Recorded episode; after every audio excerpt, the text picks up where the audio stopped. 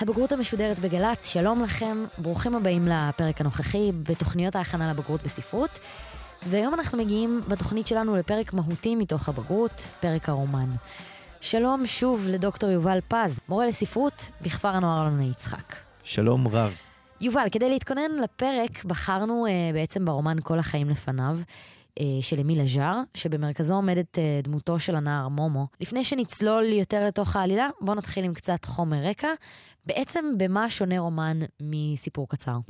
אפשר להגדיר רומן כאסופה של סיפורים קצרים. אה, בשונה מהסיפור הקצר, יכולות אה, להיות ברומן אה, מספר עלילות שמסופרות במקביל. בדרך כלל יהיו בו הרבה יותר דמויות מאשר בסיפור הקצר. אנחנו נמצא קפיצות בזמן אל העבר, לפעמים גם אל העתיד, מה שבדרך כלל לא קורה בסיפור הקצר.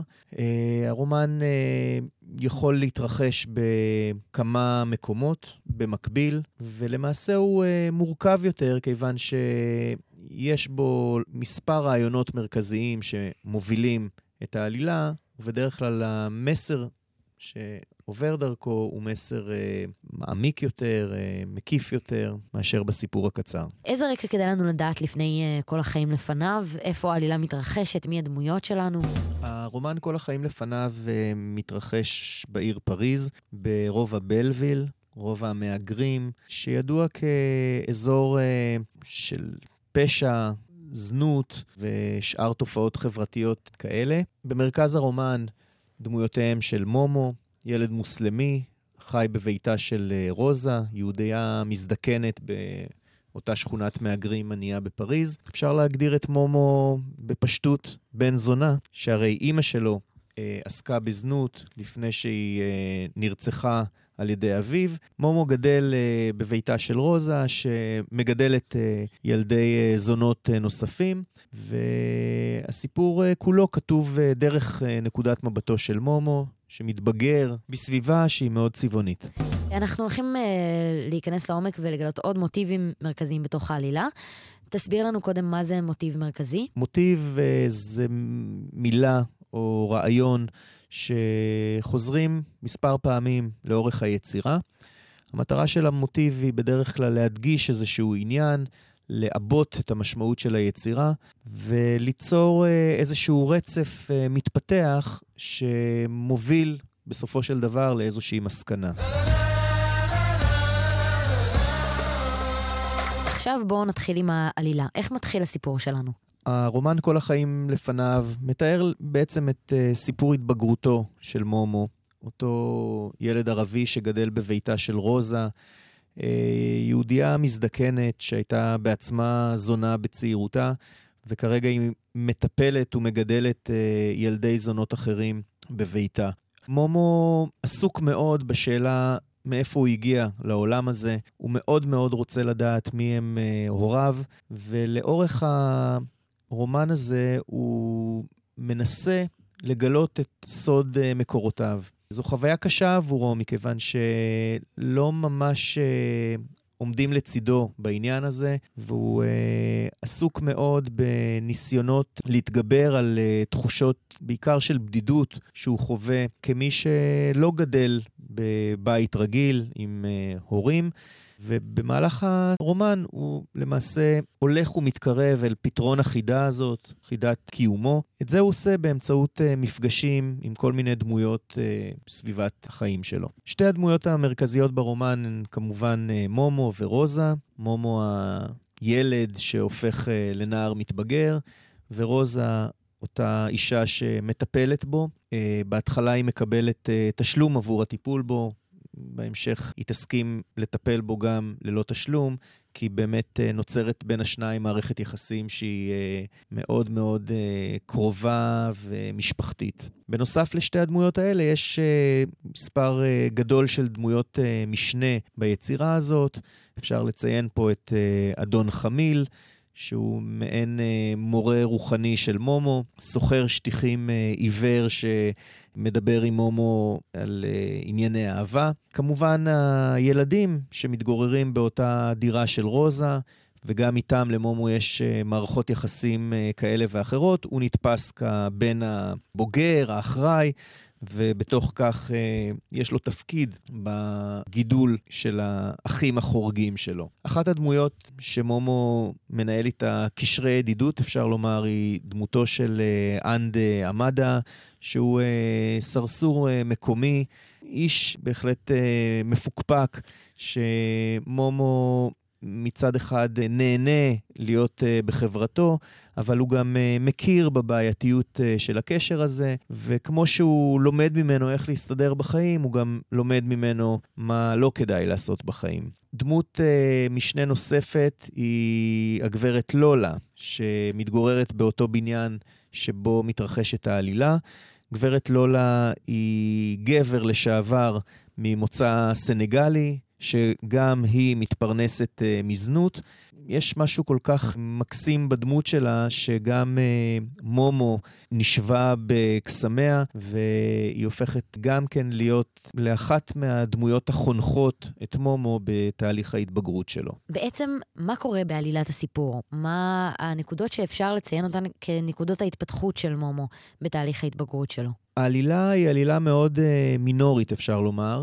אה, לא קורים דברים מאוד uh, דרמטיים. בסך הכל uh, מומו מתאר את העולם שלו, והוא עושה את זה בצורה מקסימה. הוא ילד נבון מאוד, עם חוש הומור מצוין, והוא פשוט לאורך הרומן מתעד את uh, תהליך הגדילה שלו, כשברקע אפשר לציין אירועים מסוימים שהם משמעותיים, כמו למשל האירוע שבו הוא uh, מבין שרוזה שיקרה אותו בנוגע לגיל שלו. הוא היה בטוח שהוא בן 10, ופתאום מתגלה לו שהוא בן 14, וכשהוא uh, פונה לרוזה בכעס, היא, היא מסבירה לו שהיא, שהיא עשתה את זה כי היא פשוט פחדה שהוא יעזוב אותה. ולכן היא הורידה את הגיל שלו, והוא מבין שהמעשה הזה נעשה מתוך אהבה, ולא כאיזשהו עניין ש... הייתה בו כוונת uh, זדון כלשהי, אבל זה בהחלט uh, אירוע מכונן, כי פתאום מומו קופץ ביום אחד uh, ארבע שנים קדימה בגילו. אירוע משמעותי נוסף הוא כאשר אביו של מומו מופיע אחרי שנים ארוכות שבכלל לא היה זכר לקיומו. הוא מופיע פתאום בביתה של רוזה ודורש לקבל את הילד שלו בחזרה. רוזה מבינה מיד uh, שהאיש העומד מולה הוא אדם uh, מעורער בנפשו, היא גם יודעת שאותו אדם uh, רצח את אשתו, שהיא אמו של מומו, וברגע של תושייה היא מצליחה uh, לספר לו סיפור uh, אודות ההתבגרות של מומו, שבטעות גודל כילד uh, יהודי ולא כילד ערבי, ואביו, מרוב אה, זעזוע, חוטף התקף לב במקום ומתמוטט ו- ומת. זה אירוע משמעותי מאוד, כיוון שאחריו מבין מומו עוד משהו חשוב על העולם הזה, והוא מבין שלפעמים אה, עדיפה אימא חורגת, אבל אה, טובה וחמה כמו רוזה, מאשר אה, אבא ביולוגי שהוא אה, פסיכופת. אלה האירועים המרכזיים שאפשר לציין בסיפור, לפחות בהתחלה שלו. מה התפקיד של כל אחת מהדמויות שהזכרנו קודם, לפחות של הדמויות המרכזיות בציר העלילה, בתהליך ההתפתחות של מומו, בהתבגרות שלו? תפקידן של דמויות המשנה, קודם כל לשמש אה, דמויות לדיאלוג עם אה, מומו. מומו סובל מבדידות, וכדי להפיג את הבדידות הוא מחפש קשר. וכשהוא לא מוצא קשר, אז הוא יוצר לעצמו חבר דמיוני בדמות uh, מטריה שהוא מחבר לפרצוף וקורא לה בשם ארתור, ומופיע איתה ברחובות כדי uh, לקבל כסף. או הכלב סופר, שהוא uh, מאמץ ורואה בו חבר אמת לתקופה מאוד קצרה, עד שהוא מוכר את הכלב הזה כי הוא חושב ש... החיים בביתה של רוזה הם חיים שאפילו לא ראויים לכלב. הדמויות הן דמויות חונכות, גם uh, במובן החיובי וגם במובן השלילי, כי מכל דמות מומו לומד משהו. ומחלק מהדמויות הוא לומד uh, ערכים של uh, אחריות ואכפתיות ועזרה לזולת וסולידריות אנושית, ומדמויות אחרות הוא לומד uh, מה לא כדאי לעשות בחיים. להיות פושע למשל, לעסוק בזנות או לסחור בנשים. מה ו... בעצם אה, מנסה אמיל אג'אר להביא דרך העובדה שכל הדמויות בסיפור הזה הן מסכנות ומגיעות מהשוליים של השוליים של החברה? אני חושב שאמיל אג'אר רצה לספר פה סיפור על אה, עלובי החיים שחיים בשולי החברה הפריזאית. לא במקרה אדון חמיל נושא בתיקו תמיד את uh, עלובי החיים של uh, ויקטור uh, הוגו כאיזשהו uh, מודל קיומי. זה הסיפור, זה הסיפור על האנשים השקופים, על האנשים שלאף אחד לא באמת אכפת מהם. ומילה ז'אר מבקש uh, להקדיש להם את הבמה הספרותית הזאת.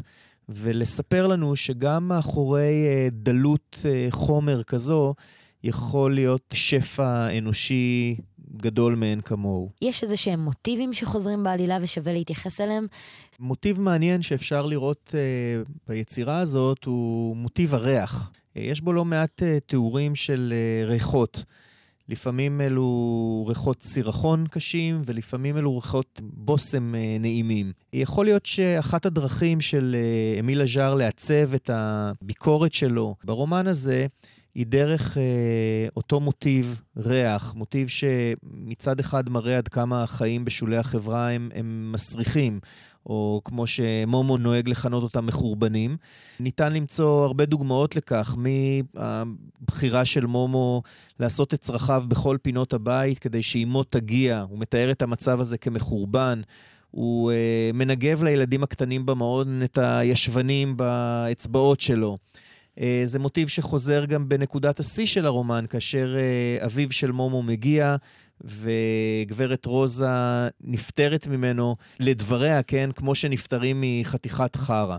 בניגוד למוטיב של הסירחון, אפשר גם לראות את uh, מוטיב הבושם, מוטיב שמתקשר לדמותה של רוזה, שמקפידה מאוד על הנשיות שלה, ומתאפרת ומתבשמת, ומומו מספר שהיא משאירה שובל של בושם ברדיוס של חמישה מטרים מאחוריה. אצל גברת רוזה המוטיב הזה מייצג גם את הניסיון חסר התועלת להעמיד פנים. היא מעמידה פנים שהיא עדיין צעירה ויפה, היא מקפידה מאוד על האסתטיקה שלה, על הניסיון להסוות את החיים הקשים והמסריחים, החיים שמומו מגדיר אותם, החיים שטיפלו בה. לצבוע אותם בצבע אחר, לשטוף אותם מהסירחון בריח טוב. המוטיב הזה מייצג את הביקורת החברתית. בסיום הסיפור, כאשר רוזה מתה, מומו ממשיך לבשם אותה ולאפר אותה. הוא מנסה בצורה נוגעת ללב אה, להאריך את חייה באופן שהוא כמובן אה, בלתי אפשרי, וכשהסירחון של הגופה שלה יוצא מן המרתף, פורצת לשם המשטרה, ואנשים uh, מזדעזעים מהמראה של רוזה ומומו ששוכב לצידה, ועל כך uh, אומר מומו, יש אנשים שלחייהם אין ריח. ובזה הוא בעצם מדבר על הסירחון של החיים, של אותם עלובי החיים של החברה שאולי מזדעזעת מהסירחון שלהם כשהם מתים, אבל היא לא עושה שום דבר כדי uh, לטפח אותם כשהם חיים. מוטיבים נוספים שאפשר להזכיר? מוטיב נוסף הוא מוטיב המטריה, החבר הדמיוני שמומו מייצר לעצמו, והוא ככה הולך איתו לאורך אה, רוב העלילה. אותה מטריה היא משמשת כמישהו שמומו יכול uh, להתלוות על ידו כשהוא חש בדידות קשה. הוא מופיע בכל מיני מופעי רחוב עם המטריה הזאת.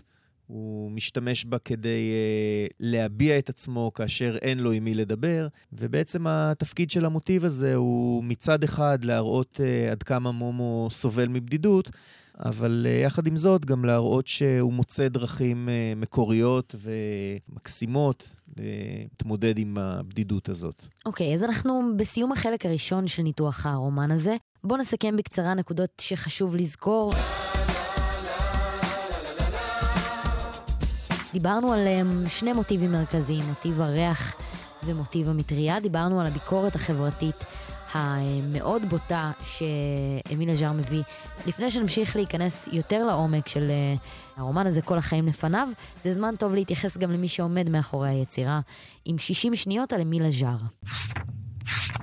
אמיל אג'אר הוא שם העט של הסופר, הבמאי, הדיפלומט וטייס הקרב רומן גרי. גרי נולד בשנת 1914 בווילנה שבפולין. בגיל 14 גרי עבר לניס שבצרפת, ועם התבגרותו שירת כטייס בצבא צרפת במלחמת העולם השנייה.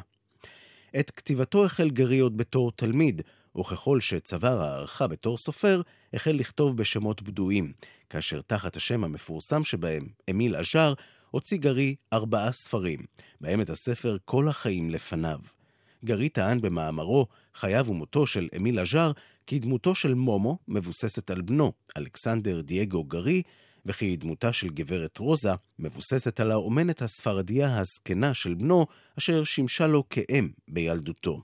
גרי העיד כי האומנת הייתה חולה בדלקת ורידים שפגעה ברגליה, אך לא הפסיקה לעלות ולרדת במדרגות מדירתו לדירת בנו, וכי גם לה, כמו לגברת רוזה, הגיעה מעלית. הספר יצא בשנת 1975 וזכה לגרסה קולנועית ב-1977, גרסה שאפילו זכתה בפרס האוסקר לסרט הזר הטוב ביותר.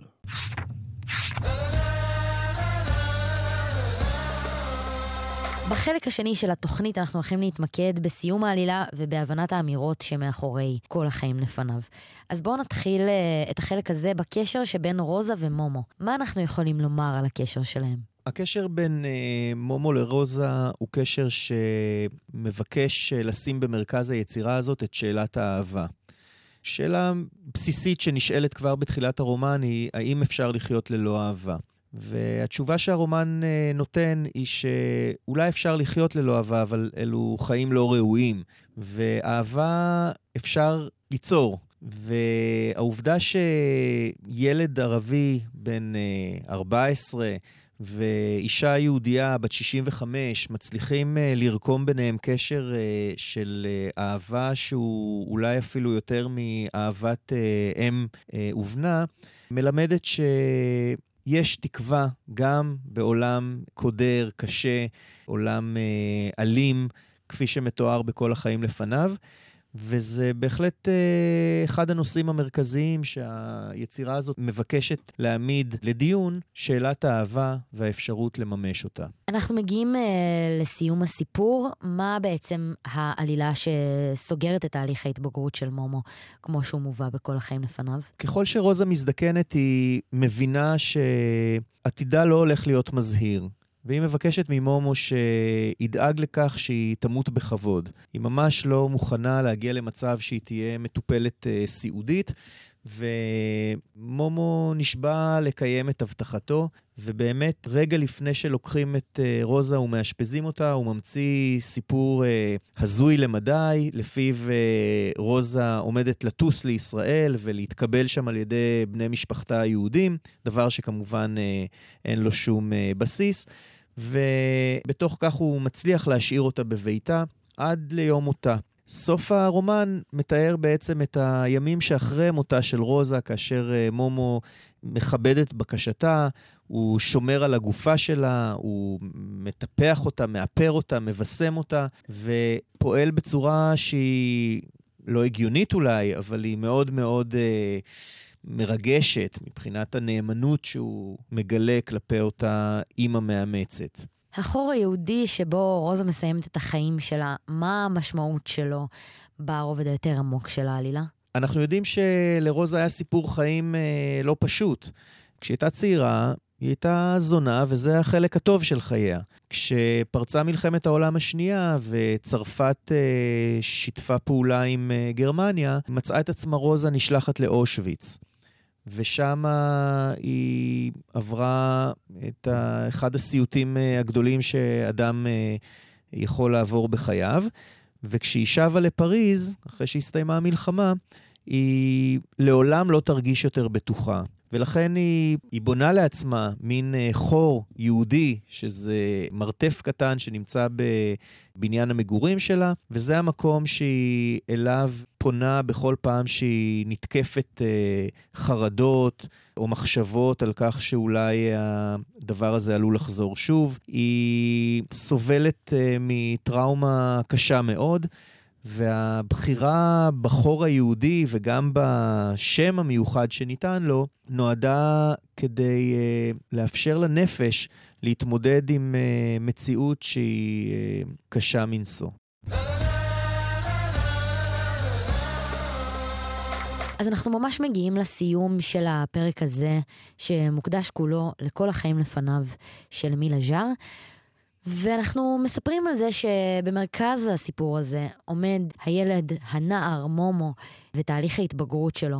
אז איך אנחנו בסיום הסיפור ניגשים לשאלה בבגרות שבה שואלים אותנו על תהליך ההתבגרות שלו? אה, חשוב לשים את המהלך הזה של ההתבגרות במקביל לנושא שהוא גדול יותר ואפשר אה, לכנות אותו מצב האדם.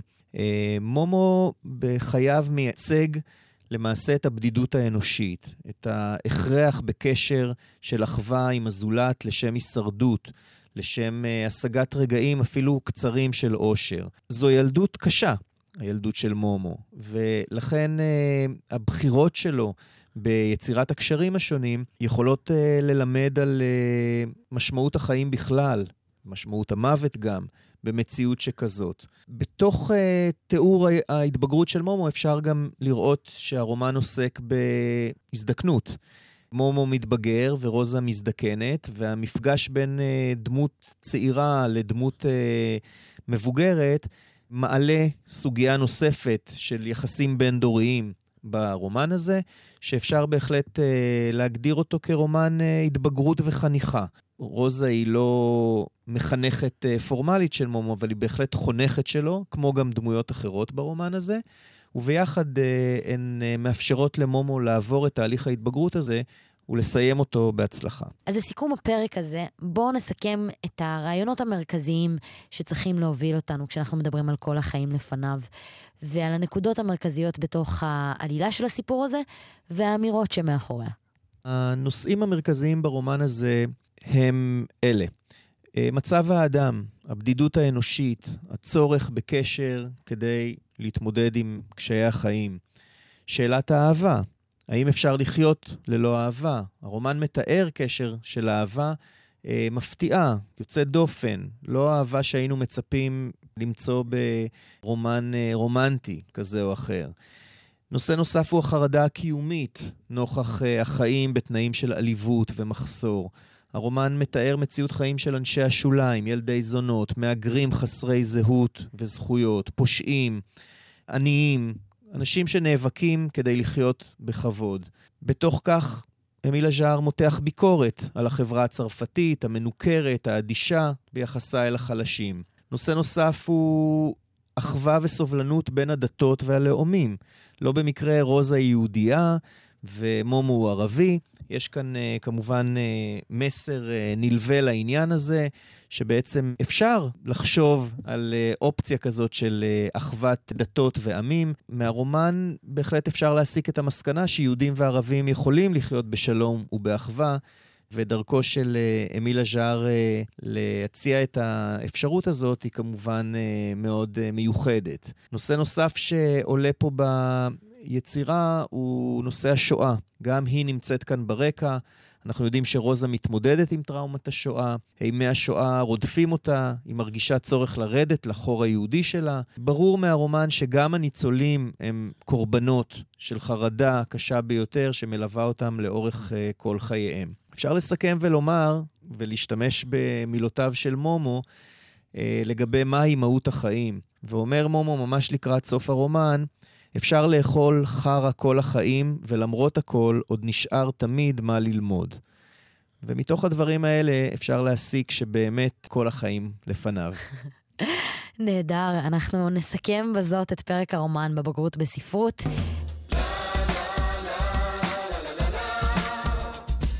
נהיה פה בפרק הבא והאחרון שיוקדש לדרמה, נתמקד בטרגדיה היוונית. בינתיים, תודה רבה לך שהיית איתנו כאן, דוקטור יובל פז. תודה גם לטכנאית שלנו, הילה מזרחי, ולכם שהאזנתם.